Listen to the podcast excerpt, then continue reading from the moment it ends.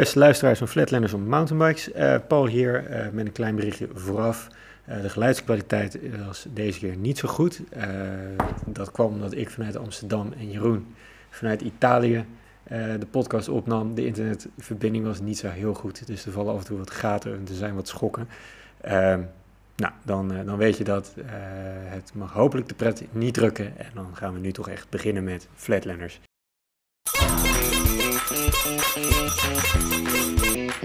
Het is alweer een weekje geleden, maar zowel Jeroen en ik waren druk eh, in Italië aan het mountainbiken. Maar hier is hij dan toch, de grote Olympische Spelen mountainbike nabeschouwing. Nou Jeroen, eh, jij zit nog in Italië, hoe is het daar? Ja, een beetje wisselvallig. Uh, ik zit bij het Gardemir aan de noordkant, Tobolen. Uh, echt een beetje het avontuurlijke gedeelte van het Gardermeer. Ik heb recent nog een rondje Gardermeer gedaan en dan zie je eigenlijk aan de noordkant iedereen op mountainbikes, e-bikes, windsurfen, kiten. En hoe verder je naar het zuiden gaat, hoe uh, meer dat verandert in bootjes, waterskiën, uh, heel veel wijn drinken op het terras. Ja. Uh, dus ja, ik zit aan de noordkant. Dat betekent ook wel dat het weer wat wispelturiger is, omdat de bewolking ja, een beetje tussen de bergen blijft hangen. Uh, maar ik ben daar nu twee weekjes aan het trainen, uh, een klein beetje vakantie aan het vieren, samen met mijn vriendin. En uh, aan het klaarmaken voor de komende wedstrijden. Ja, kan je nog wel combineren vakantie en trainen? Of is dat een flinke puzzel? Nee, nee, nee, dat gaat goed. meestal is het in de ochtend is het gewoon is het me-time, als in dan met een fiets. En dan zorg ik dat ik met de, met de lunch weer thuis ben. En dan lunchen we lekker samen. En nou ja, in de middag proberen we dan uh, of wat dingetjes te ondernemen of lekker op het strand te liggen. Uh, kijk, voor mij is het belangrijk om nu hard te trainen richting de, ja, de drukke periode die komt. Maar tegelijkertijd ook belangrijk om de batterij op te laden. Uh, ik heb vanaf augustus tot en met oktober ieder weekend een wereldbeker of een kampioenschap. Dus ja, dan wil je ook gewoon met een volle batterij als het ware aan de start staan. Dus ja. dan is het mooi om hier, hier te zijn. Gardermeer geeft een goede combinatie van beide. Ja. ja, Absoluut, ja. ja de trails zijn hier, uh, er liggen hier, ik, ik, kom hier echt al super lang al. Misschien al wel 10 of 15 jaar geleden dat ik hier voor het eerst was. Ja. Hier heb ik ook echt wel een beetje mijn technische skills uh, opgedaan. Altijd met mijn vader samen de bergen in en uh, trails rijden.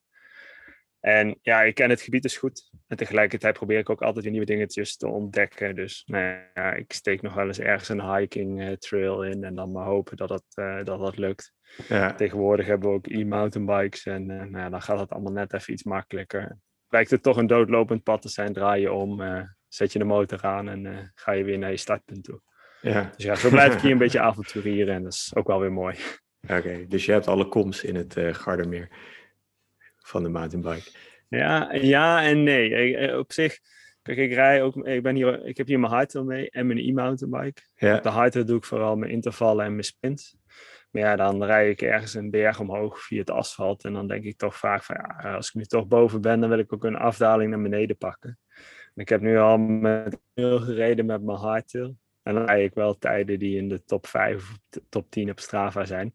Maar ja, ik doe dat uh, met een 29 inch hardtailtje met een dropper post. Dan zie ik gasten uh, achter mij naar beneden gaan met integraalhelmen op, bepakking en uh, bescherming om. Ja, ja, dan is het wel funny om dan, dan, om dan te zien dat je met de hard ook gewoon hard naar beneden kan. Dat, is, uh, dat wordt dan een kom met een gouden randje voor jou. Nou, over uh, gouden randjes gesproken. Vorige week was de Olympische Spelen. Ik kon het zelf helaas niet live zien, want ik was... nou, daar zullen we het later over hebben. Maar ik heb het net teruggezien en het zag er wel echt ontzettend gaaf uit op tv. Hè? Ik heb nog niet vaak zulke mooie wedstrijdopnames gezien. Wat vond jij ervan? Uh, ik heb het wel live gekeken. Er speciaal mijn wekker voor gezet. Nou ja, de wekker, ik bedoel, de wedstrijd begon om acht uur. Maar goed, als je op vakantie bent, dan kijk je niet zo op de klok. Maar ik zat uh, onder het luiftje, klaar om, uh, klaar om de wedstrijden te bekijken. Ja, inderdaad, het parcours lag er goed bij. Zeker op de, bij de mannenwedstrijd, toen het volledig droog lag. Bij de vrouwen, een dag later had het natuurlijk wat geregend. Maar het mooie is vooral dat ja, het werd echt goed in beeld gebracht. Ik denk dat het een visitekaartje is voor de, voor de mountainbike sport. En waar normaal gesproken op tv technische uh, secties ja, wat simpel uitzien, zag je nu toch echt wel de moeilijkheid daarvan. En uh, ik denk dat dat alleen maar mooi is voor de sport uh, en de platform wat het heeft. Ja, over die technische stukjes, hè, er zaten inderdaad best wel moeilijke dingen in. Maar als je zo'n technisch stuk kan oefenen, dan weet je vaak wel goed wat er komt en hoe je het moet aansnijden. Is dat voor die uh, professionele rijders ook zo? Dat het, ja, als het een beetje aan gewend zijn, dat die technische stukjes niet zoveel impact meer hebben? Of, of blijft dat wel? Ja, op een gegeven moment vind je, als je vaak genoeg op die trail rijdt, ontstaat er een bepaalde flow op die secties. Ja. En ja, die atleten waren al dagen van tevoren daarmee bezig. Um, om zowel een eerste als een tweede keuze qua lijnen te maken. En op een gegeven moment wordt dat gewoon een soort repeterende uh, ja, flow, als het ware. Dus ik denk, eh, het ziet er op tv dan spectaculair uit. En natuurlijk, uh, die rijders moeten echt super gefocust zijn om ja, wel die lijnen te kunnen blijven rijden. Maar als je eenmaal de juiste lijn te pakken hebt, dan, ja, dan ga je daar wel met vertrouwen naar beneden. En het materiaal heel te houden. Ja, want natuurlijk, het waren wel een hele hoop stenen. Dus de kans op lekrijden is natuurlijk wel aanwezig. Dat zie je ook terug in de, in de wedstrijden, waarin verschillende atleten lekrijden.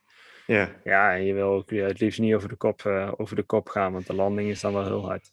Nee, inderdaad. Dus dat is uh, al, al, erg veel uh, besproken. Maar ja, er was dus een plankje wat miste. Ja, ja, ja, ja dat, is, uh, dat, dat, was groot nieuws in ieder geval. Kijk, iedereen, alle ogen stonden natuurlijk op Van de Poel. Ja. Uh, op maandag was natuurlijk, uh, we begonnen op maandag met de mannenwedstrijd. En, Heb jij een beetje ja, idee van hoe dat, hoe dat in mountainbiken wordt ervaren? Dat, ja, dat Mathieu van der Poel, die genereert natuurlijk heel erg veel aandacht voor het mountainbiken. Vinden, vinden ze dat fijn of hebben ze een beetje dubbel gevoel bij? Ja, het is tweeledig denk ik. Ehm, Kijk, Mathieu uh, is natuurlijk in die zin wel een verdette. Uh, en die zorgt voor een hoop, uh, hoop reuring in de sport. Ik denk dat dat, dat heel goed is. tegelijkertijd zijn er ook een hele hoop atleten in de sport. Die misschien al, of misschien ook wel al een platform hadden moeten hebben. Omdat zij al jarenlang presteren zoals ze doen. Kijk, ik neem maar even het voorbeeld Mathieu en, en Milan. Uh, Mathieu genereert alle aandacht, terwijl Milan misschien zeker net, zoveel, net zo interessant is om, uh, om in de spotlight te zetten. Ja. Um, dus ja, je moet, ik denk dat je van beide kanten gewoon uh, het beste moet pakken en dan, uh, dan is het voor iedereen goed. Ja. Maar ja, wat niet goed was, was natuurlijk dat plankje wat ontbrak, waarvan de pool geen, geen weet van had. Nee. Althans, dat is hoe het naar buiten wordt gecommuniceerd. En Kijk, het enige wat ik kan, uh, kan doen is kijken naar de beelden. En nou ja, um, wat je duidelijk ziet is dat zijn positie die hij op het liggen, of zijn fietspositie, op het moment dat hij die, die drop afrijdt, ja, die is gewoon niet de, dat is gewoon niet de juiste positie die je moet hebben als je een drop wil springen. Dus als je dan naar zijn lichaamshouding... Nee, precies. Kijk, als jij, hem, als jij die drop had willen springen, had je gewicht gewoon veel verder naar achteren moeten. Het voorwiel naar voren uitgestrekt moeten worden. Ja, en alles, al, dat alles doet hij niet. Ehm, hij gaat er dus echt vanuit dat dat plankje er ligt. Wat hij eigenlijk doet, is hij drukt als het ware een beetje zijn voorwiel beneden. Ja, om, om contact te maken met dat plankje. Maar ja, dat plankje is er niet. Dus eigenlijk drukt hij, in plaats van zijn voorwiel naar voren, drukt hij hem naar beneden. Ja, en dan kom je met je voorwiel in zo'n groot gat terecht. Ja, dan vlieg je over de kop. Ja.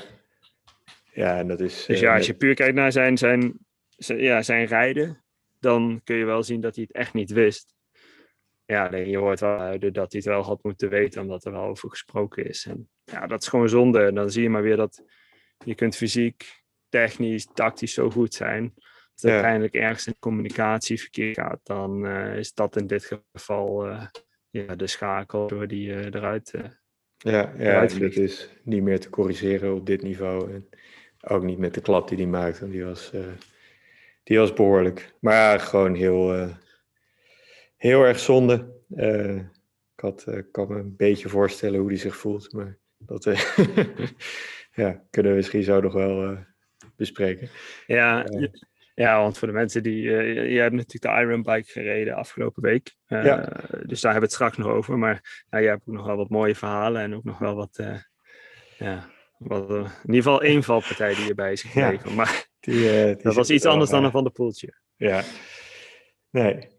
Ja, nou heel jammer. Hij heeft natuurlijk hard, uh, hard voor gestreden. En ik hoop dat hij wel door blijft gaan met mountainbiken. Want over drie jaar is Parijs en dan is er weer een kans. En je kan, Ja, en ik hoorde dat hij ik zag dat hij, vandaag zag ik op social dat hij alweer in Livigno zit op hoogste stage. Oh ja? Ja, en dat is met één doel. Hij wil, uh, hij wil weer, ik denk dat hij wereldkampioen wil worden op de mountainbike in uh, oh, over uh, drie of vier weken. Ja. En, um, nou, hij, er werd hem gevraagd in de pers van, ja, ga je dan nu weer focussen op het, op het wielrennen? Ja, en toen had hij gezegd zoiets van, ah, nee, nee, nee, ik, er is op dit moment één doel en dat is goed zijn op het WK en Val di Sol. Dus hij heeft oh, zeker iets goed te maken voor zichzelf. Ja, ja. ja want ik uh, kreeg altijd een beetje de indruk dat als hij... het grote geld zit natuurlijk wel... Uh, en de publiciteit uh, en de sponsors zitten natuurlijk wel op de weg. Dat als hij dit had gehad, dat ze hem dan helemaal naar de weg zouden duwen. maar ja, in ieder geval goed om te horen dat hij voorlopig nog wel bij het mountainbiken betrokken blijft en daarmee door wil gaan. Dus ja, maar goed, er is een hoop andere dingen gebeurd uh, in de race. Want, uh... ja. ja, ik denk dat de vliegende start van Milan uh, iets is om wel even mee te beginnen. Ja. Irene begint echt, ja, echt wel voor de medailles en dat was ook zijn hele tactiek. Hij wilde niks aan toeval overlaten. Um, dus ja, gelijk vanaf het begin goed voor inzitten betekent wel dat je, betekent in ieder geval dat je voor de valpartijen uitrijdt. Ja. En daardoor wel een soort van zekerheid in. Het hangt daar ook een risico dat je jezelf een beetje opblaast. Uh, en daar eigenlijk dan in het middelste gedeelte net niet meer genoeg van herstelt. En ja, dat, dat, dat zag je uiteindelijk wel bij hem gebeuren. Ja. Ja, want het... Dat hij, uh, ja, hij reed in het begin top 3, top 5 en uiteindelijk wordt hij tiende. Uh, ik denk als hij halverwege de wedstrijd iets meer had kunnen herstellen, dan had vanuit, ja, vanuit die positie nog wel weer ietsje naar voren kunnen rijden. Had hij wellicht nog wel ja, zesde of kunnen worden. Goed, hij, hij is er uiteindelijk super blij mee. En op zich snap ik dat ook wel. Hij heeft in ieder geval alles gegeven. En, uh, ja, ik denk dat het uh, voor Nederland sowieso mooi is om in ieder geval een top 10 klassering te hebben. Ja, Nee, sowieso een heel, uh, heel gaaf resultaat. Ja, ja. In, uh, Kijk, in tot, uh, tot vader deed Thomas Pitcock het, die pakt het heel anders. Die heb je eigenlijk de eerste, eerste half uur helemaal niet gezien in de wedstrijd. Die, hij was wel permanent voorin, maar nooit op kop. bepaalde ook nooit het tempo. En pas na 30 minuten liet hij zich eens een keer aan de, aan de kop van de wedstrijd zien ja, en toen trok hij ook gelijk goed door en uh, zette hij eigenlijk het hele, ja, de hele kopgroep als het ware uh, op zijn kop. Ja. ja, vooral in die klimmetjes als hij uh, ja, flink aan het ja, stoepen vind ik voor zo'n klein mannetje niet echt een goed woord. Maar dat is wel echt waar hij het verschil maakte, toch? De, de, al die klimmetjes gewoon weer net wat extra te pakken. Ja, precies. Hij pakte in iedere klim, laten we zeggen, een seconde of twee, of in ieder geval een paar meter.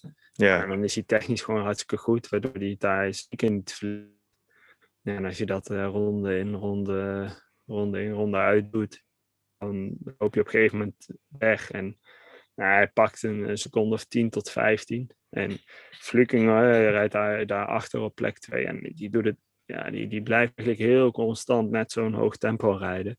Waardoor je uiteindelijk ook ziet dat het gat ook met groter wordt. En dat maakt het natuurlijk wel spannend, uh, ook voor de, voor de race. Natuurlijk, uh, het zag er op een gegeven moment wel uit alsof de wedstrijd in zijn plooi was. Ja. ja het was uiteindelijk op de finish slechts 20 seconden wat Fluke achter uh, Pitcock binnenkomt. Ja. ja. stel dat uh, Pitcock wel was gevallen of een foutje had gemaakt, dan had de race ook zomaar weer anders kunnen lopen. Dus, ja, precies. Ja, het was erg, blijven erg volhouden. Ja, absoluut. Ja, nou, deze twee gasten die had iedereen uh, geloof ik wel op het podium voorspeld. Uh, maar de derde, die kennen we niet zo goed, hè? Nee, David Valero. Ja, is dat de grote verrassing? Ja, absoluut. Absoluut. Uh, hij staat 18 op de wereldranglijst. En als je dan kijkt wie die allemaal voorbij rijdt. Ja, dat is wel, is wel tof. Ik denk dat hij vooral ook mentaal vleugels heeft gekregen. Ja, Want het is niet dat er heel veel, uh, behalve Mathieu van der Poel dan, maar niet dat er heel veel grote uitvielen of zo, waar hij nog van kon profiteren. Natuurlijk niet iedereen kan starten, maar ja, want er zijn natuurlijk per land mag je maar uh, drie of twee of één iemand afvaardigen. Maar ja, hij, hij fietst wel een paar grootheden voorbij. Ja, absoluut. En kijk, omdat hij, kijk, daar waar Milan bijvoorbeeld terugvalt, komt een David, die, die rijdt dan juist naar voren toe. En dan weet hij op een gegeven moment in de laatste ronde aan te sluiten bij de achtervolgende groep voor plek drie. Ja, dat geeft je zoveel, zoveel moraal. Ja, en dan, dan krijgt hij het ook nog voor elkaar om het uh, af te maken. Ja. Want hij sluit uiteindelijk aan bij uh, Shooter, Koretsky en Cooper. Ja, ja en die, uh, die konden hem uiteindelijk allemaal niet, uh, niet volgen. Misschien ook wel omdat Shooter die, die probeert in de laatste ronde aan te vallen. Nou, die komt niet weg, blaast zichzelf daardoor een beetje op. Ja. En uh, ja, Valero kan daarvan profiteren. Dat zijn absoluut geen pannenkoeken die daar voorbij Nee, overigens wel, wel gaaf dat, dat Koretsky weer, dat hij dan toch eens zo ver voorin zit. Ja. ik had hem eigenlijk niet op mijn gezet, maar ehm, toch knap hoe hij het voor elkaar krijgt. En denk je dat het weer daar dan nog uh, invloed op heeft? Dat gewoon door de warmte en de luchtvochtigheid, dat er gewoon net weer wat andere mensen komen bovendrijven? Ja, durf ik niet te zeggen, want Red Bull in uh, Alpstad de wereldbeker en toen was het niet super goed weer, geloof ik. Nee. Wel benauwd, dacht ik, maar ja, nou ja geen idee wat, dat, uh, wat daar de, de reden van kan zijn. ja wel mooi voor hem dat, uh, ja, om, om, het lijstje compleet te maken. Shooter wordt uiteindelijk vierde, Koretsky dan vijfde. Ja. En um, Cooper finisht als zesde. Ja. En Vader uh, dan uiteindelijk op uh, plek 10 op 2 minuten en 7 seconden. Ja. ja, hij is gelukkig wel, wel blij mee. Blijft hij bij het mountainbiken? Want ik hoor ook geruchten dat hij in gesprek is met wegploegen. Weet jij daar meer van? Inhoudelijk niet. Wel, ik heb dat gerucht ook gehoord.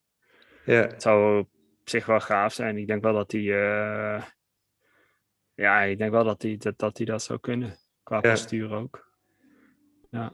Ja, ja, het is, ja, en wel, ja nee, ik hoorde wel dat hij gelijk ook op het allerhoogste niveau dan in zou stappen. En dat is natuurlijk wel kicken. Ja. Ja, en, zolang die maar mensen kan blijven. Ja, dit, het, dat het combineren kan, succesvol, dat uh, is niet toch wel een paar keer aangetoond. Dus dat is natuurlijk wel leuk. Zeker als de seizoenen niet helemaal overlappen. Ja, en als hij ook kan afdingen dat hij het mountainbiken wel erbij kan, kan blijven doen. Ja. Dan, uh, dan kan het best een leuke combinatie zijn. Dat is altijd maar de vraag, want dat is in het verleden niet altijd gelukt. Maar uh, ja, het, wat niet is, kan natuurlijk nog komen. Ja, is dat ja, precies. Ik was nog wel benieuwd. Ik, toch even over dat plankje. Ik hoorde dat Van de Poel zei dat hij juist die afdaling wilde rollen, die drop, om ze materiaal te sparen en geen lekke banden te rijden. Uh, hij is natuurlijk ook wel een grote, grote gast, uh, vergeleken met veel van die anderen die daar rondfietsen. Heb je idee wat voor, wat voor soort bandenspanning zij rijden op zo'n uh, zo'n World Cup? Ja, zeker vanwege die stenen en die drops komt er best wel impact op de band. Ja. Dus ik denk dat, uh, dat de atleten ongeveer 0,2, 0,3 bar hoger rijden dan ze normaal zouden doen. Ja. Uh, puur om die impact op die band wat, uh, wat tegen te gaan. Overigens, wat ik wel vreemd vond, is dat Van de Poel dan weer met een, gewoon een vaste zadelpen rijdt en niet met een dropper. Ja, dat had hem al zoveel meer controle gegeven, denk ik. ja. Ja, ja. Wat dat betreft zijn daar denk ik nog wel wat dingetjes die, die beter hadden kunnen. Ja, ja, dat is natuurlijk altijd een beetje praat achteraf. Uh, hij heeft natuurlijk zeker in 2019 ja. heeft hij heel veel gemountainbiked. En toen ook uh, uiteindelijk is hij World Cups gaan winnen. Dit jaar heeft hij daar wat minder tijd voor gehad om veel wedstrijdervaring op te doen. Uh, ja, en er is natuurlijk best wel weer veel veranderd uh, in het materiaal afgelopen jaar. Of de geometrie. Dus, maar ja, dat is natuurlijk ook altijd een beetje praten achteraf. Dat had natuurlijk beter en meer gekund. Ja. Nou ja, ik vind wel als je op de, op de Spelen meedoet, dan moet het materiaal gewoon top zijn. En dan, ja, de ja. dropper die zit al zo lang, uh, dat is ondertussen niet meer weg te denken in het mountainbiken. Ja. Dat wat, volgens mij reed de hele top, top 10 race een beetje met een dropper. Ja, ja die fiets die hij heeft, die is ook best wel oud model eigenlijk. Hè. Dat, die komt uit 2017 of zo, die Canyon. Dus, ja, maar ik denk dat, die, ja, ik denk dat dat nog niet eens... Die fiets, die, die, die moet dat wel aan kunnen. Daar, ja was op zich prima geweest. Want Pitcock rijdt op een, op een fiets, daar staat niet eens een merknaam op. Want die rijden natuurlijk vanuit Ineos met uh, Pinarello. En die hebben geen mountainbikes. Die hebben geen mountainbikes. Dus, uh, dus ja, dus Pitcock mocht zelf uitkiezen wat voor fiets hij had. Mits die zwart was. Ja, ja, ik weet niet of hij dat heeft mogen uitkiezen. Want ik, ken, ik heb het frame goed bestudeerd, maar ja, het leek in ieder geval niet op een van de, van de grote... Oh, nou vertel. Ik denk dat het een uh, uh, BMC four-stroke is. Ah. Hmm. Ja, het zou kunnen, maar dan ga ik er nog een keer opnieuw naar kijken. Ja, ja. als je hem zelf had kunnen uitkiezen, dan zou dat misschien de beste cross-country fiets van dat moment zijn natuurlijk. Dat je niet uh, ongebonden door sponsors... Uh, nou ja, dat, dat zal wel in het professionele mountainbiken niet bestaan. Dat je volledig uh, onafhankelijk van sponsors een fiets kan kiezen. Maar ja, is uh, ja, kijk, ik denk dat als hij een Specialized, als hij een Specialized had gekozen en ze hadden die zwart gemaakt, dan had denk ik direct iedereen gezien, ja, maar dat is gewoon een Specialized.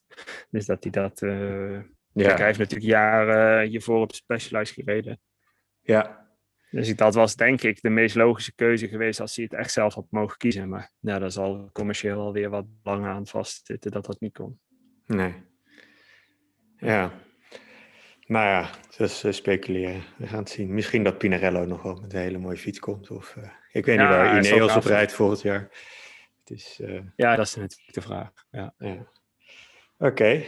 nou en toen ging het ineens regenen. En de volgende dag hadden we de vrouwenrace. Met ja, een plankje. Ja, met een plankje, inderdaad. Ja, en, ehm, ja ik heb Bart Brentjes, mijn teammanager, was daar zelf ook aanwezig. Ja. En we hebben met de ploeg een uh, WhatsApp-groep. En hij stuurde op de ochtend van die wedstrijd nog wat video's door. Dus ik heb ook echt met eigen ogen kunnen zien hoe het parcours erbij lag. Ja, daar waren op sommige stukken was dat gewoon een glijbaan. Dat was, die toplaag was zo, zo glad geworden. Dat ze in de ochtend zelf nog met, uh, of in ieder geval de organisatie, met, met allemaal graafmachientjes nog hele stukken hebben weggegraven, uitgegraven. Ja, stukjes, niet zozeer echt omleidingen, maar wel er was één hele steile klim, uh, waar de camera eigenlijk de atleten al van onderuit opvingen. Uh, en sommige dames moesten daar ook lopen. Ja, dan had de graafmachine voor, voor de wedstrijd nog een soort van nieuw pad uitgegraven om maar op een harde ondergrond te zitten. Ja. Dus dat, dat de organisatie er uiteindelijk voor koos om voor de veiligheid dat plankje weer terug te plaatsen, was wat mij betreft ook de enige en juiste, juiste keuze. Ja, ja, want we hadden het er nog over gehad, over die uh, panda kei, zoals je zei. Dat die, uh, als ze droog waren, kon je er best lekker overheen fietsen. Maar uh, als ze nat werden, dan, dan werd het echt levensgevaarlijke knikkers. Ja, ja op zich viel het toch nog wel mee met de valpartijen. Ik heb wel gezien dat veel vrouwen nog voor de wedstrijd uiteindelijk naar modderbanden gingen. Ik denk dat dat op zich ook een juiste keuze was om te doen. Ja, ja, je zag ja en, en het foefje, foefje van Nef hè, op, de, op de onderbuis. Ik weet niet of het heel veel effect heeft gehad gedurende de race. Want het was Vertel eens wat het was. Een soort golfplaat ja, leek het, hè? Ja, ze, hebben, ze hadden op de onderbuis van de, van de fiets van, van Jolanda Neff... hadden ze met duct tape een soort van ja, waaierprofiel geplakt. Dat is eigenlijk een soort van lusjes. Dus je begint boven, uh, je maakt een lusje, je plakt dat weer aan het frame, maakt weer een lusje en zo krijg je een soort van ja, een soort schutbord tot aan de, de, de bottom bracket. Mm-hmm. En dat was eigenlijk met het idee gedaan als dan die modder tegen dat uh, ja, vastplakt aan die, uh, aan die duct tape. En op het moment dat je dan met de fiets bijvoorbeeld die drop-off springt, dan vallen al die, die lusjes, en laten we zeggen, verticaal naar beneden toe. Waardoor de modder makkelijker uh, er vanaf uh, valt. Dat, dat is de gedachte daarachter. En ik heb dat al eerder gezien, ook bij Flukinger. Ja, uh, ja, Dus ik denk dat het een soort van Zwitsers geheimpje was wat ze hebben toegepast.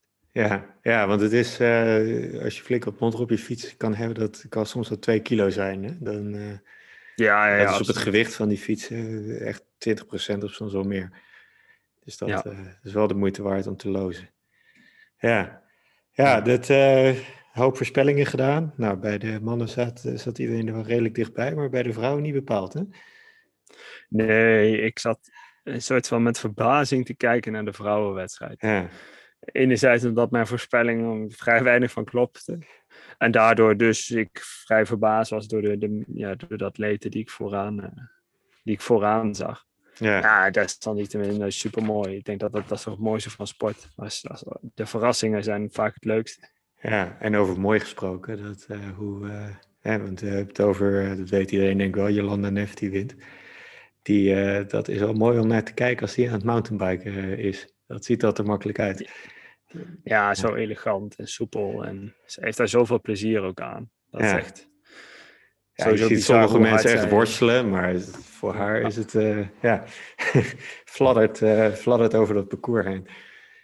Ja, ik heb een paar jaar geleden nog een wereldbeker cross country gereden in, even moet Australië of uh, Amerika of Canada, een van de twee. Uh, althans, dat is dan dubbel, zo'n dubbele week die je dan doet. Ik weet niet meer precies op welk parcours het was. Maar toen ging ik naar beneden en uh, destijds reed Michiel van der Heijden ook nog, een goede Nederlandse atleet. En die zat toen met Jolanda Neff in de ploeg. Dus ik uh, haak op een gegeven moment bij hun aan en in die afdaling, maar ik denk, jeetje, wat gaat dit hard. Totdat ik op een gegeven moment dus achterkwam dat dat Jolanda Neff was. Die reed dus gewoon echt, ja, ik moest gewoon serieus uh, mijn best doen om haar bij te houden. Zij rijdt zo hard. Dat is echt, echt heel gaaf. Ja. Ja, dat, dat wel had ze absoluut in het voordeel van de, tijdens de race ook. Ja, dat uh, kon zij wel uh, herstellen op de afdalingen. En dan vervolgens weer goed aanzetten. Ja, nou ja, je zag wel, wat je wel zag, is dat Nev en uh, Provo, die reden in het begin wel samen voorop. Ja, en daar hebben we het ook alles over gehad. Dat zijn ook niet de zijn redelijk strijdlustig aan elkaar, laten we het, uh, laten we het daarop houden. Ja, en uh, Provo probeert eigenlijk in het begin gelijk druk te zetten op de wedstrijd. En die gaat onderuit in een rock garden uphill. Maar die was zo stijl dat de fiets naar beneden rolde. Toen moesten uh, we moesten de fiets weer halen, omhoog klauteren. En vanaf dat moment heeft ze geen enkel moment meer in de wedstrijd gezeten. Toen reed ze nee. nog lek. Ja, koppie zag naar beneden. Dan was er weer strijdlust. Dan, nee, het was echt op en af. En uiteindelijk, uh, ja, ja, maar kon zij het dus zeker niet waarmaken. Nee. Ja, Lecomte, die, uh, ja, die had iedereen opgeschreven, alles gewonnen dit seizoen. En rijdt nu eigenlijk vrij uh, anoniem op de Olympische Spelen. Nee, die zat ook gewoon niet echt lekker in de wedstrijd. Ook nog een keertje materiaalpech. Ik geloof dat de ketting of zoiets van blubber tussen de ketting zat.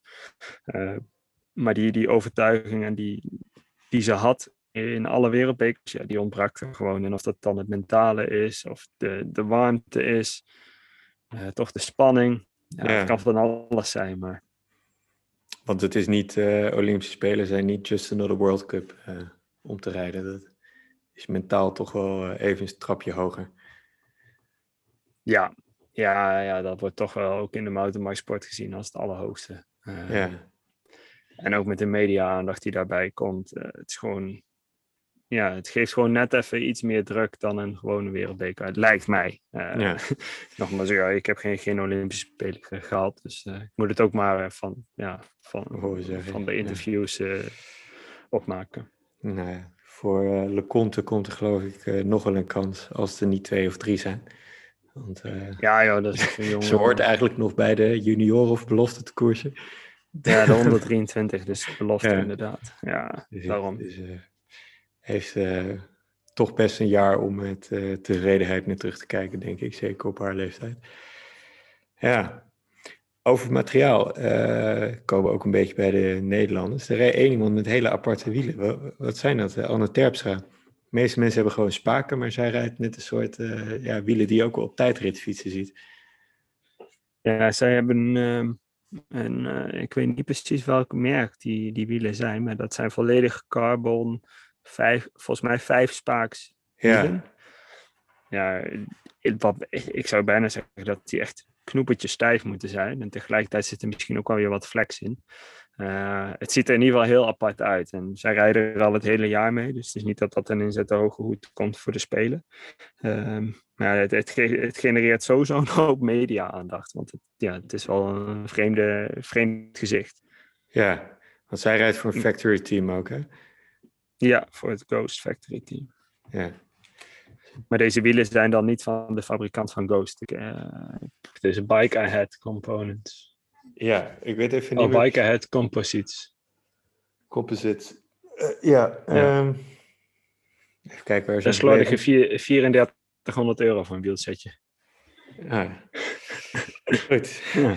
De wielen van Anne Terpstra. 3400 euro. Ja. ja, daar kan je best een mooie carbon full suspension van kopen.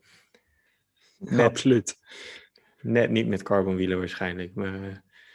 Eh, oké. Ja, in ieder geval mooi Maar niet te min. Ja. Was het een World Cup, dan had ze het podium meegereden. Heb je gehoord uh, ja. hoe ze op de wedstrijd terugkijkt? Nou, ja, eh, in die zin, als ik, ik heb haar zelf niet gesproken. Um, ik weet wel, is al een goede start. En Anne en ik hebben allebei dezelfde trainer, Guido Vroemen. Dus uh, toen ik de wedstrijd aan het kijken was, toen heb ik, uh, had ik ook nog wel wat contact met Guido. Want uh, ik zei, oh, ze ligt goed man, gelijk een goede start. En in, in, in het middenste gedeelte zakte ze wat terug. En uiteindelijk ja, komt ze eigenlijk op het einde van de race weer naar voren toe gereden. En pakt ze uiteindelijk plek 5. Ja, ik denk als ik kijk naar ja, wat ze, laten we zeggen, achter, de achter het podium zitten, top 3. Uh, Fraai en Indegant, die 2 en 3 worden op 1 minuut 11 en 1 minuut 19. Terpstra zit, daar, zit op 2 minuut 35 van de winnaar, dus dat is 1, 1 minuut 20. Ja, op zich dan, dan ben je wel dichtbij, maar ook niet zodanig dat je uh, brons had kunnen pakken. Dus ik denk dat ze heel tevreden mag zijn met de prestatie. Ja. Ja, absoluut. Ook als je kijkt naar hoe ze de afgelopen wereldbekers heeft gepresteerd. Wat ja, niet altijd eh, ging zoals ze, ze wilde. Ja, dan denk ik dat ze gewoon hier super tevreden mee mag zijn. Ja, ja cool. Wel jammer dat dat, uh, ja, dat dat in de media dan weer iets minder naar boven of naar voren komt. Kijk, het, gaat, het ging natuurlijk veel over het plankje van Van der Poel. Ja. Maar ja, uiteindelijk worden we...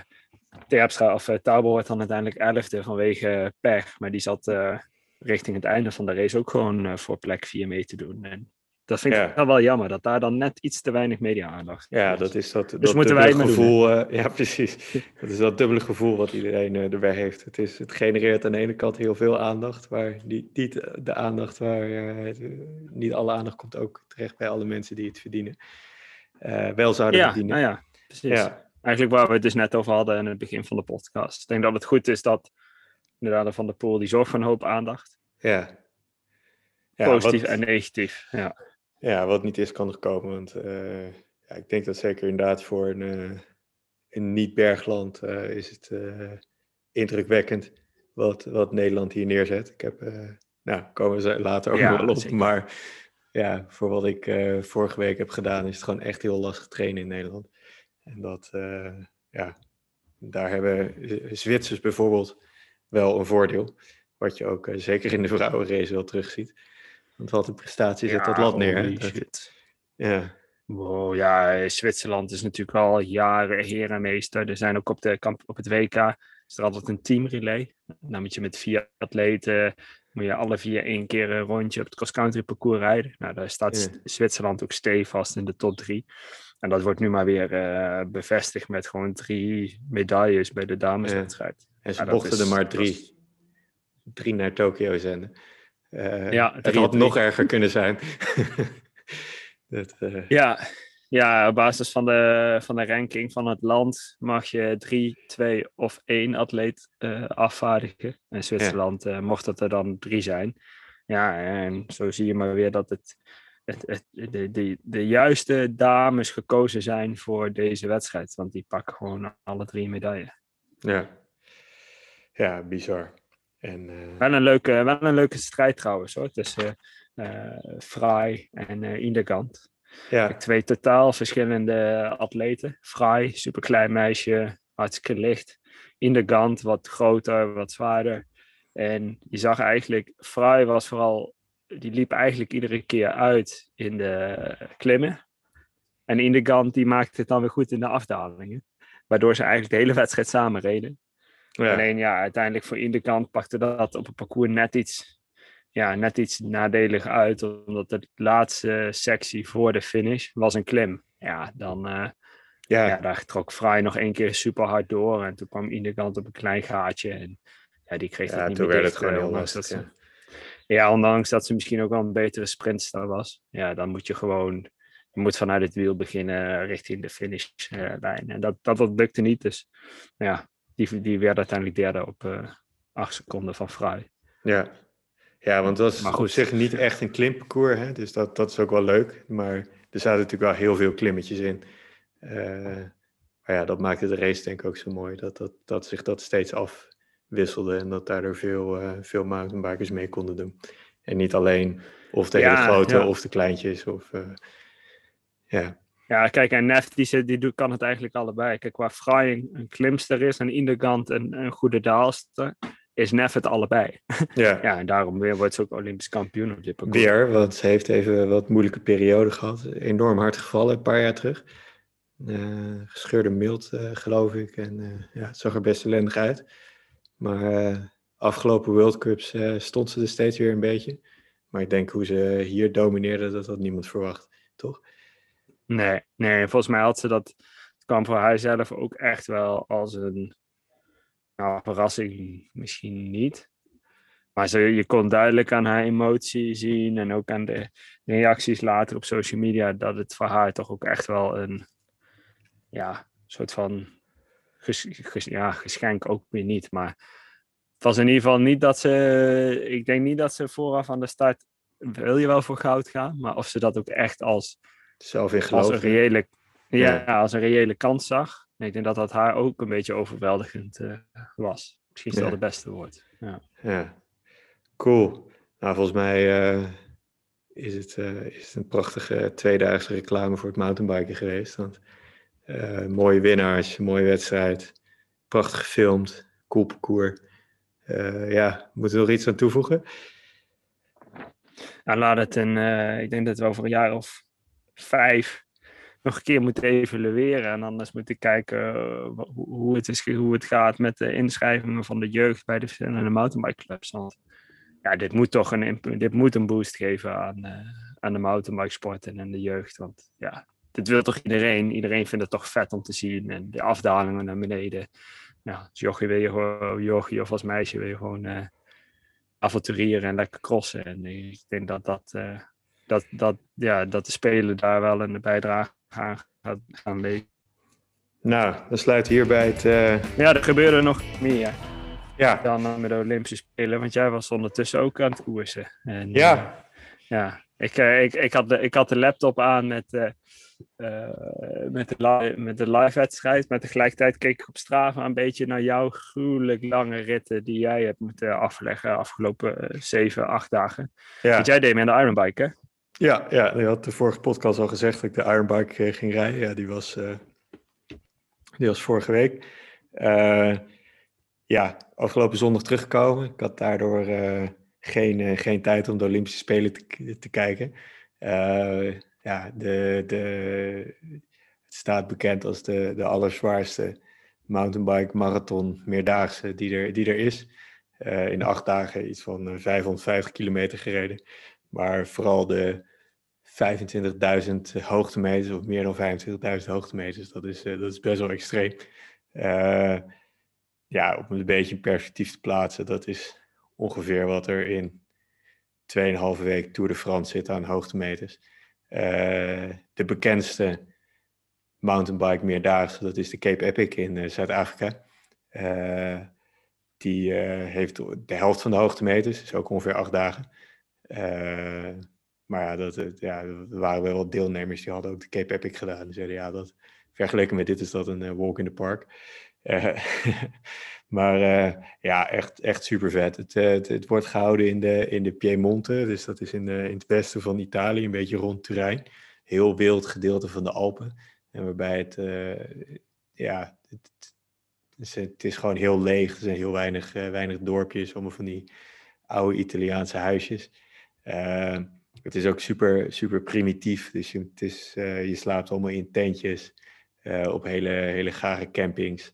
Dus ja, behalve dat je gewoon 12, uh, 12 uur aan het fietsen bent soms, moet je s ochtends eerst nog ja, je tent inpakken en al je spullen opruimen en dan ontbijten. Probeer zoveel mogelijk eten in je hoofd te stoppen. Dus dat is gewoon een kwart voor zes opstaan en om zeven uur beginnen met, met mountainbiken. En dan ben je vaak ook pas om zes, zeven uur weer terug.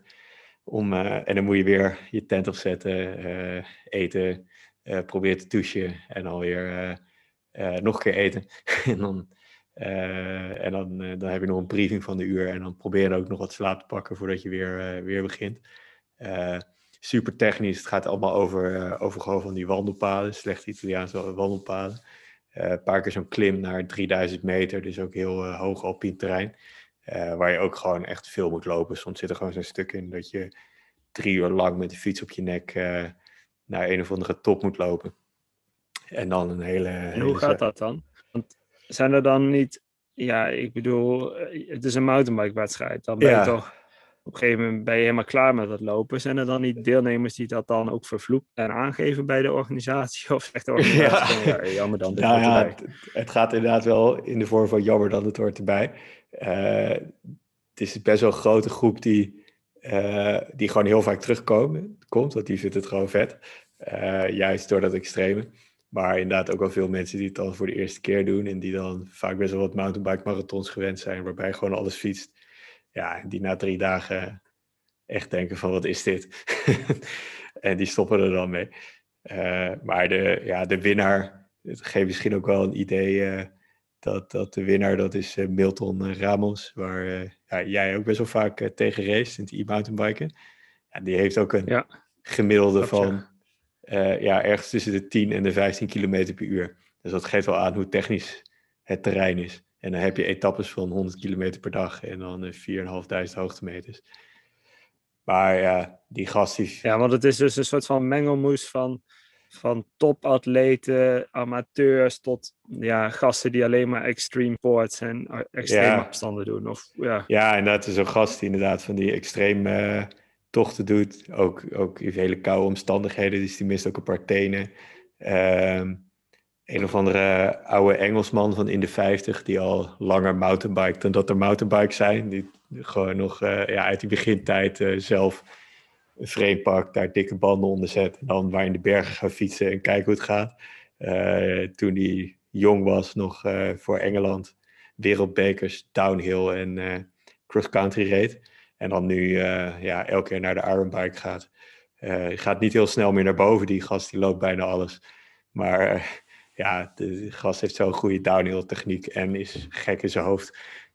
dus ja, naar beneden gaat die gast gewoon zo hard en gewoon zonder te remmen. ja, dat is wel, wel ja, Als ik jouw Strava-files kijk, ja. als ik jouw Strava-files bekijk, dan moet je ook een beetje gek in je hoofd zijn. Nou ken ik jou gewoon als een hele relaxed, sympathieke gast. Uh, die zijn trainingsuurtjes heeft gemaakt, goed heeft voorbereid. En dan kom je ineens in een, in een achtdaagse rollercoaster. Waar totaal geen controle op is uit te voeren. Waar je gewoon van dag tot dag moet leven, mentaal sterk moet. Ja. Hoogte- en dieptepunten. Uh, heb jij wat, je, je hebt een jaar hier eigenlijk getraind, hè? ook echt serieus aangepakt, trainen erbij. Uh, ja, we hebben samen een mountainbike clinic gedaan om eh, de technische skills te upgraden. Ja. In hoeverre heeft dat me zeggen, in hoeverre heeft die fysieke voorbereiding bijgedragen? Of was het uiteindelijk toch vooral heel veel karakter? Ja, ik denk dat het. Ik kom uit, niet echt uit mountainbiken. Ik maak mountainbiken niet zo lang. Uh, wat ik vanaf jonge leeftijd eigenlijk doe, is bergbeklimmen. Uh, daar heb ik denk ik best wel veel aan gehad voor het, uh, het Ironbike. Ook omdat het zoveel lopen is en omdat de omstandigheden zo primitief zijn en de dagen zo lang. Ja, als bergbeklimmer schrok ik daar weer niet zo van.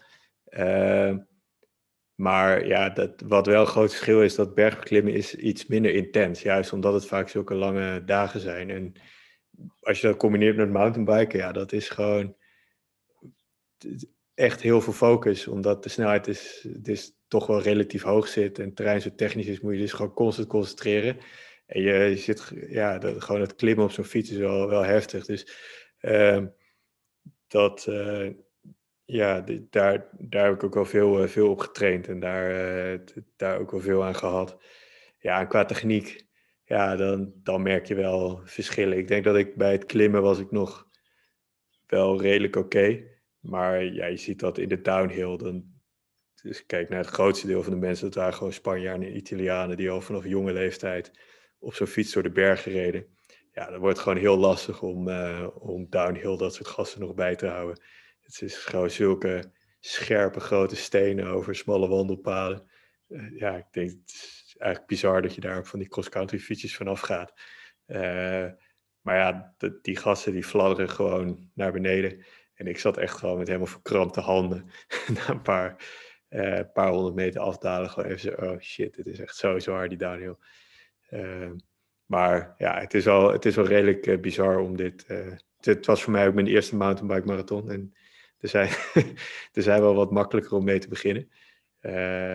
ja, dus dat is wel, dat is wel een avontuur. het is ook niet helemaal goed gegaan, want ik zit niet in de officiële uitslag. Ik heb ergens halverwege in de vierde etappe... Een, ja, best wel een klein schuivertje gemaakt eigenlijk. Ik heb geprobeerd toch de hele tijd wel wat rustig te fietsen. Gewoon omdat ja, vallen, dat uh, kan je gewoon je hele race kosten. Dat, uh, ja, dat, dat is gewoon zonde van alle voorbereiding. Dat kan met Jeu van de Poel natuurlijk ook over meepraten. Maar ja, uiteindelijk toch een klein foutje gemaakt. En dan toen uh, viel ik best wel hard op mijn schouder. Gewoon de afdaling afgemaakt. Maar bij de hulppost dachten ze toch dat mijn sleutelbeen gebroken was. Dat was gelukkig niet zo, maar ze wilden het wel uh, controleren. Dus ik heb een halve etappe gemist. Dus dat, dat is wel jammer. Dus zo sta ik niet in de officiële uitslag. Dus ik heb nog wel wat unfinished business. Jij bent de, de dagen daarna wel weer gewoon gestart, toch? En ook alles Ja, ja, dus het gebeurde woensdag. En toen waren er nog ja, twee etappes van meer dan 100 kilometer. En dan nog één korte. Maar ik ben ja, die donderdag gewoon weer opgestart. En ik dacht, nou, kijken hoe het gaat. Dus ik begon met een grote klim van uh, 1000 hoogtemeters. Dus nou, dat ging. En toen kwam er wat ja, hike en bike, met de fiets op de nek. Nou, dat deed wel een beetje pijn, maar oké, ging ook, check. Nou, en toen kwam het technische downhill naar beneden, dus die ook, ook rustig fiets. Nou, dat ging ook. Toen dacht ik, nou, oké, dan, uh, dan gaan we het gewoon afmaken. Um, ja. Dus zo, uh, zo dat gedaan, ja. Maar ja, ik denk, uh, je moet je er wel, je moet je echt wel instellen op een, op een avontuur en niet op een race waar je gewoon helemaal kan focussen op zo hard mogelijk fietsen en dat verder alles om je heen geregeld is. Het is best wel primitief, de dagen zijn extreem lang. het, het is gewoon niet allemaal fietsbaar. Het is gewoon te moeilijk om te fietsen. Dus je zal best wel ja, van de tien uur per dag dat je bezig bent, dan zit er echt wel één of twee uur dat je met de fiets op je nek aan het lopen bent. Nou ja, als je dat daarop instelt, dan is het wel echt een super mooi avontuur. Uh, je zit in de Piemonte, wat echt uh, ja, heel wild gedeelte van de Italiaanse Alpen is. Je komt er al die kleine dorpjes, uh, al die Italianen die daar, die, die vinden de Ironbuik ook helemaal geweldig en die staan je helemaal aan te moedigen. je komt echt op hele hoge toppen, ja, waarbij je gewoon bijna aan het bergbeklimmen bent en dan heb je echt fantastische uitzicht over de hele Alpen, helemaal verlaten. En dan je daar hele vette downhill naar beneden. Uh, ja, dus al, ik kan het zelf niet zo goed vergelijken, maar wat ik hoor van andere mensen die ik heb gesproken, die wel meer mountainbike marathons rijden, is het wel uh, echt one of a kind. En echt, ja, heel, bijzonder om een keer mee te maken. Dus wat dat betreft wel echt een aanrader. Het is heel, ze doen heel weinig Nederlanders aan mee eigenlijk. Het is wat dat betreft best wel zeldzaam zijn eigenlijk vooral Italianen en Spanjaarden. Dat ook echt wel eh, bikkels zijn, en rouwdouwers die dat allemaal doen. Een paar Belgen. Uh, maar ja, dat uh, onbekend maakt onbemind. Dat, ja, ik denk dat het wel, dat eigenlijk wel jammer is dat er zo weinig Nederlanders aan meedoen, want het is, het is wel echt heel vet. Ja, het is wel cool. Dus, mooi ja, je moet, dus je moet eigenlijk nog een keertje terug, sowieso. Ik moet eigenlijk nog een keertje terug, ja. ja. Dus, maar is, eh, dat, is dat een verplichting naar jezelf toe omdat je hem niet gefinished hebt? Of omdat je het avontuur gewoon nog wel eigenlijk stiekem ook nog aan een tweede keer wilt meemaken? Ja, ik denk uh, eigenlijk dat het laatste toch wel wat meer meespeelt. Dus uh, ik vond het echt wel zodanig vet dat, uh, dat ik het nog wel een keer zou willen doen. Dus ja, ja dat, dat, die, dit is ook gewoon zo'n avontuur dat ja, dat ene t-shirt, dat, is ook, ook inderdaad maar een detail ervan. In, uh, Ja, ik had wel, ja, ik deed het op een licht cross-country fietsje, maar ik had de fiets wel een beetje verbouwd. Daar was ik ook best wel blij mee. ik had ja, via jou nog wel wat echte downhill remmen erop gezet met grote schijven. En daar, daar was, ik wel, was ik wel echt blij mee, want die afdalingen zijn soms zo stijl en zo lop met zulke grote keien. Als je ook nog eens een keer twee vingers nodig hebt om je remmen in te knijpen, dan, uh, dan wordt het ook wel heel heftig. Dus uh, je zit soms echt uh, een uur lang, een beetje helemaal boven je achterwiel, die downhills naar beneden te stuiten. Dus ja, je fiets krijgt best wel, best wel zwaar te verduren.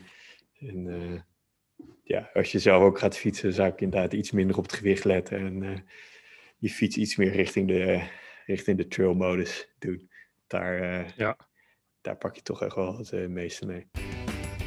Ja, want over, uh, we hebben natuurlijk iedere podcast een tech gedeelte. Ja. En het leek mij deze keer wel leuk om het een beetje in de, in de trant van de Iron Bike te doen. Maar ook, ik ben zelf hier nu op het Gardemier aan het trainen. Ja, en als je dan ergens hoog in de bergen bent, dan wil je wel self-supporting zijn.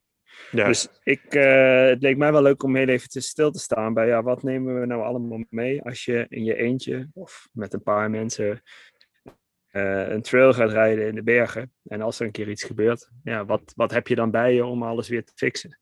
Ja. Had, uh, reed jij met een camelback of met een rugzak, uh, zadeltasje, wat, wat, wat had jij zo wel bij? Ja, nee, ik had, ik had wel een camelback bij me. En ook wel eentje waar nog wat extra ruimte in zat. Uh, en daar zat vooral uh, eten en uh, ja, eh, extra kleren. Je zit best wel hoog in de bergen en als het daar gaat regenen, dan, ja, dan moet je niet met een of ander licht, licht vestje komen, maar moet je gewoon echt een, een dikke jas hebben, want anders dan vries je gewoon dood. Maar ook wel best wel wat reservemateriaal. Dus ja. ja. noem maar op. De, wat gaan, zijn de dingen die snel kapot gaan? Uh, ik denk dat, uh, dat je wielen, uh, dat, daar, dat die het meeste verduring krijgen van al die stenen. Dus lekker banden komen wel voor. Ik heb dat zelf niet gehad. Maar wat, ja, vertel jij maar Jeroen, je kan het wel het beste uitleggen. Ja, wat ik sowieso altijd, wat ik altijd mee heb, zo'n zadeltasje. Uh, kijk, ik moet natuurlijk vaak ook nog intervallen doen bergop. En dan wil ik liever eigenlijk niet met een rugzakje rijden. Zadeltasje vind ik wel, uh, ja, het hangt een beetje van de dropper af. Maar die, uh, die blijft altijd achter mijn dropper hangen. Vind ik dan weer vaak niet zo goed. Oh ja, bij mij, bij mij gaat dat wel goed. Oké. Ik heb ook op dit moment zo'n e-bike als mijn hart, een dropper. En in, die, in dat zadeltasje heb ik in ieder geval altijd één, ja, één binnenbandje. Eigenlijk wil je er twee mee hebben, maar ik gok het toch vaak op eentje. Ja. Um, wat werk je liever met plugs of met uh, binnenbanden? Uh, ja, die heb ik ook nog eens mee. Dus ik heb, laat me zeggen, een binnenband. Dan heb ik uh, een, een setje om eventueel die binnenband nog weer te plakken, zodat ik hem nog een tweede keer kan gebruiken. Mm -hmm. dat is als, me, dat is als het echt verkeerd gaat, laat me zeggen. Maar ik gebruik ook nog van de Dyna-plug, een soort van plugs. Dat is op het moment dat je gaatje rijdt en de latex dicht hem niet, dan kun je er een plug in, uh, in proppen. Dus die, dat is eigenlijk een soort van metalen punt. Die druk je door het gat heen. En dan vervolgens trek je hem eruit. En dat metaal blijft aan de binnenkant van de buitenband zitten. En door het gat heen komt een soort van sticky rubber sprietje. En die dicht als het ware dat gat. Dus uh, dat is, laten we zeggen, eigenlijk het eerste wat je doet. Ja, lukt dat niet, dan ga je inderdaad naar een binnenband toe. Uh, rij je die lek, dan moet je je binnenband plakken en dan kun je nog een keertje gebruiken. Ik denk dat dat het eerste is waar de meeste impact in zit. Ja. Verder heb ik altijd een. een, een ja, dus je doet eerst je, je tubent, je, ja, je vertrouwt op je tubeless, je rijdt sowieso tubeless. Als die ja, het niet tegen dan gebruik je de plug. Neem je reserve ja. mee of niet? Nee, heb ik niet mee. Nee. nee. Dus uh, ja. Vaak als hij. Uh, ja. Als het gat zo nee, groot is, dan kan je ook geen plug in stoppen. Precies. Ja. ja. Wat ik ook altijd doe, is uh, papiertjes van, uh, van een reep of een gelletje. Die bewaar ik altijd. Sowieso geen goed idee om die in de natuur weg te gooien. Nee. Maar ze kunnen vooral ook voor een praktisch, uh, praktisch doel dienen. Stel dat je buitenband zodanig scheurt, dan kun, je er, kun je bijvoorbeeld een gelletje aan de binnenkant van je buitenband leggen, dan je binnenband erin. Zodat, laten we zeggen, die binnenband niet door dat gat naar buiten steekt. Ik heb wel eens ja, een snee van een centimeter of twee, drie gehad in de buitenband. Ja. als je dan een binnenband erin doet, dan komt die binnenband naar buiten. Dus met een uh, reepje of ja, duct tape of noem maar iets op. Iets waar je erin kan leggen is altijd goed. Ja, waar krijg je het vaak scheuren Andere... Is dat, dat, kan het overal zijn of zijn Ja, dat valt wel mee. Maar ja, je zult maar net op, maar net op 2000 meter staan en dan, uh, ja, dan baal je toch. Ja. Andere, andere tip. Als je nou, als je binnenbanden ook kapot zijn uh, en je moet toch naar beneden toe. Wat je kan doen is, uh, zoveel mogelijk gras. Prop het allemaal in je buitenband. Leg dan je band er weer op. Dan heb je in ieder geval iets van vulling in je buitenband. Waardoor je niet je velgangort rijdt. En dan kun je redelijk, redelijkerwijs nog wel naar midden komen. Zo heb ik ooit ook een keer uh, eh, 800 meter moeten afdalen. Met, uh, met gras. En, en dat werkt toch nog dat werkt bijzonder goed. Maar je moet hem echt goed volproppen. Ja, oké. Nou, dat is nog wel een goede tip. Had je dat uh, met carbonvelgen of aluminium? Ja, dat was vast met een carbonvelg. En die waren ah. nou, gewoon nog goed. Die waren gewoon nog goed. Wow. Je moet dan wel... In mijn geval uh, had ik dat op het achterwiel. Ja, dan ga ik wel helemaal met mijn gewicht naar voren op de fiets, zodat ik daar wel minder druk op het wiel heb. Maar gras kan je dan nog best wel een eind, uh, eind brengen. Ja, wauw. Oké. En uh, neem jij uh, ja, en dan CO2-patronen mee of alleen een pompje? Ik heb inderdaad altijd één CO2-patroon mee. Ja. Dat is meer ook uit luxe en luiheid. Ehm, ik ga er meestal vanuit dat ik maar één keertje, één keer weinig gebruik mijn CO2-patroon. Maar ik heb wel altijd als backup een, een handpomp mee. Want ja, als je zonder CO2 zit en zonder lucht, dan kom je nog niet heel ver. Nee, ja, daar dus wordt ik heb ook wel altijd een pompje bij. Ja. okay. ja. Ja, maar dat is echt een soort last, uh, last option. Ja. Wat gaat er nog meer stuk? Um, verder heb ik ja, uh, ketting. Kun je ketting breken. Ja. Dus zorg altijd dat je een uh, quick link bij hebt. Dus een uh, zo'n snelschakeltje of zo'n breekpennetje, zodat je je ketting weer kan fixen. Heel belangrijk. Zorg ook dat je een toeltje hebt waar een kettingpons in zit, anders kun je er nog niks mee. Nee. Ja. Want uh, ja, soms als een schakel krom is, moet je die uit je ketting halen. Uh, ja, en dan is het wel, wel handig dat je ook een kettingpons mee hebt, om je die schakel eruit te kunnen halen. Ja, hoe vaak heb je dat? Verder, nou, toch ook wel één of twee keer per jaar. Zo vaak breek je? Dus komt dat toch nog wel. Ja, ja, ja of hij, hij, komt ergens tussen te zitten in een afdaling, of ja, noem het maar op ja, er is altijd wel een risico dat je iets van je ketting, eh, dat je ketting sneuvelt. Ja, oké. Kijk, uh, ja, een andere tip, als mensen hun, derailleur bijvoorbeeld uh, breken. Ja, ik heb geen extra achterpad mee. Kun je ervoor kiezen, maar die heb ik in principe niet mee. Mm -hmm. maar stel dat je je, je, je, tussen het achterwiel krijgt, dan kun je er altijd nog een single speed van maken.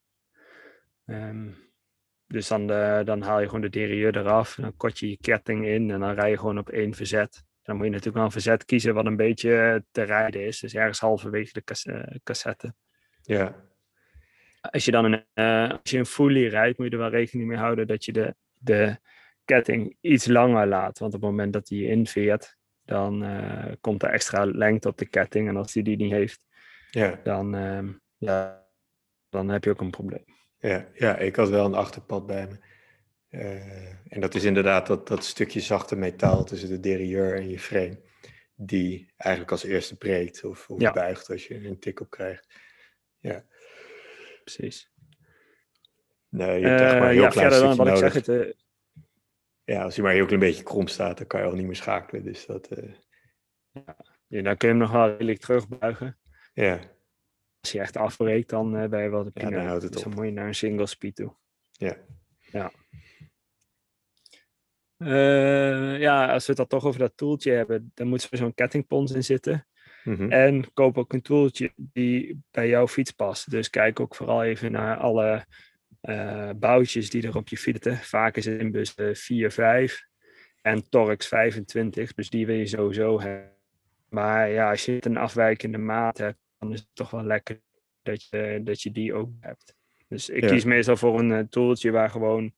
Ik heb er eentje van SKS, de Tom 8. Ja, daar zit in principe alles op wat je nodig hebt.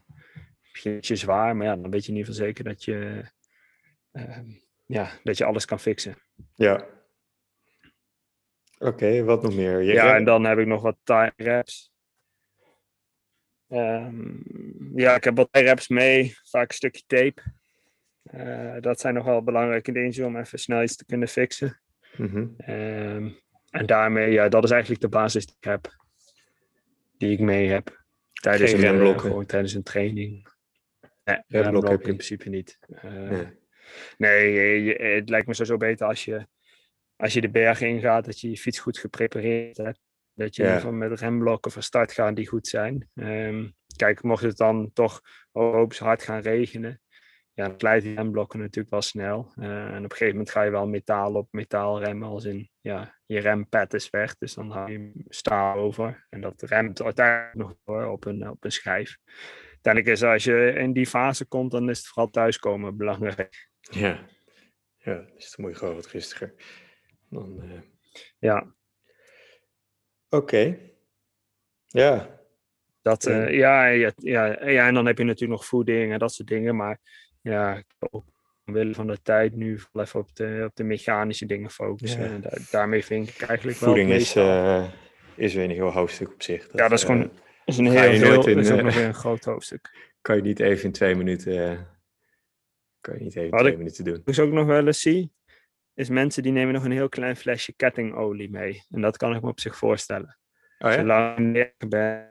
Um, ja, je rijdt in regen, dan weer in droog. Op een gegeven moment uh, slijt die ketting natuurlijk, uh, het begint hij te knarsen, doopt hij droog. Ja. En als je dan een klein, een klein flesje uh, kettingolie mee hebt, dan kun je ketting smeren. Ja. Dus dat ja, kan een optie zijn. Zeker als je nog ruimte in je, in, je, in je backpack hebt. Ja, dat was die mechanics van de Iron Bike. Die, normaal heb ik altijd wax op mijn ketting. maar de Iron Bike mechanics deden gewoon een hele dikke laag, hele vette olie op zeiden ja, eh, wax allemaal leuk en aardig, maar daar kan je niet tien uur mee uh, door de Alpen rijden. Dus dat, uh, dat houdt het niet. Maar ik geloof wel dat dat kan, als de omstandigheden maar redelijk hetzelfde blijven. Kijk, als het de hele dag droog is, dan lukt dat wel met wax. Dan zou het net lukken. Inderdaad door beekjes moet, door rivieren, eh, dan wil je gewoon iets meer bescherming. Dus dan is een olie beter. Ja, ja. wel lastig schoonmaken, maar nou, dat... Zeker lastig schoonmaken dikke troep. Ja, precies. Maar goed, dat was, dat was gelukkig wel uitbesteed uh, bij de Iron Bike. Nou, we zijn weer de hele tijd bezig. We gaan weer afronden. Ja. Ja, het zal deze maand iets rustiger zijn met wedstrijden, maar aan het eind van de maand hebben we het wereldkampioenschap. Nou, Mathieu van der Poel die, heeft daar zijn ambities neergezet, dus dat is wel cool om te horen dat hij ja, ze weer opgericht heeft. Dan is begin september is er weer de eerste wereldbeker, de eerste ene laatste van het seizoen. In Lenzerheide, Zwitserland. Nou, een paar jaar geleden ook geweest. Dus mocht je daar met vakantie in de buurt zijn of langskomen, is het echt de moeite waard om nog even stil te staan. Om, ja, je kan zo'n Enduro-pas kopen. Dat is geloof ik twee liften en dan 50 kilometer aan, aan trail. Echt een mountainbike paradijs daar. Dus dat ja, zeker, zeker aan te bevelen. Vergeet je ondertussen niet te abonneren en volg ons ook op Instagram. Dan mis je niks van nieuwe afleveringen van Flatlanders op Mountainbike.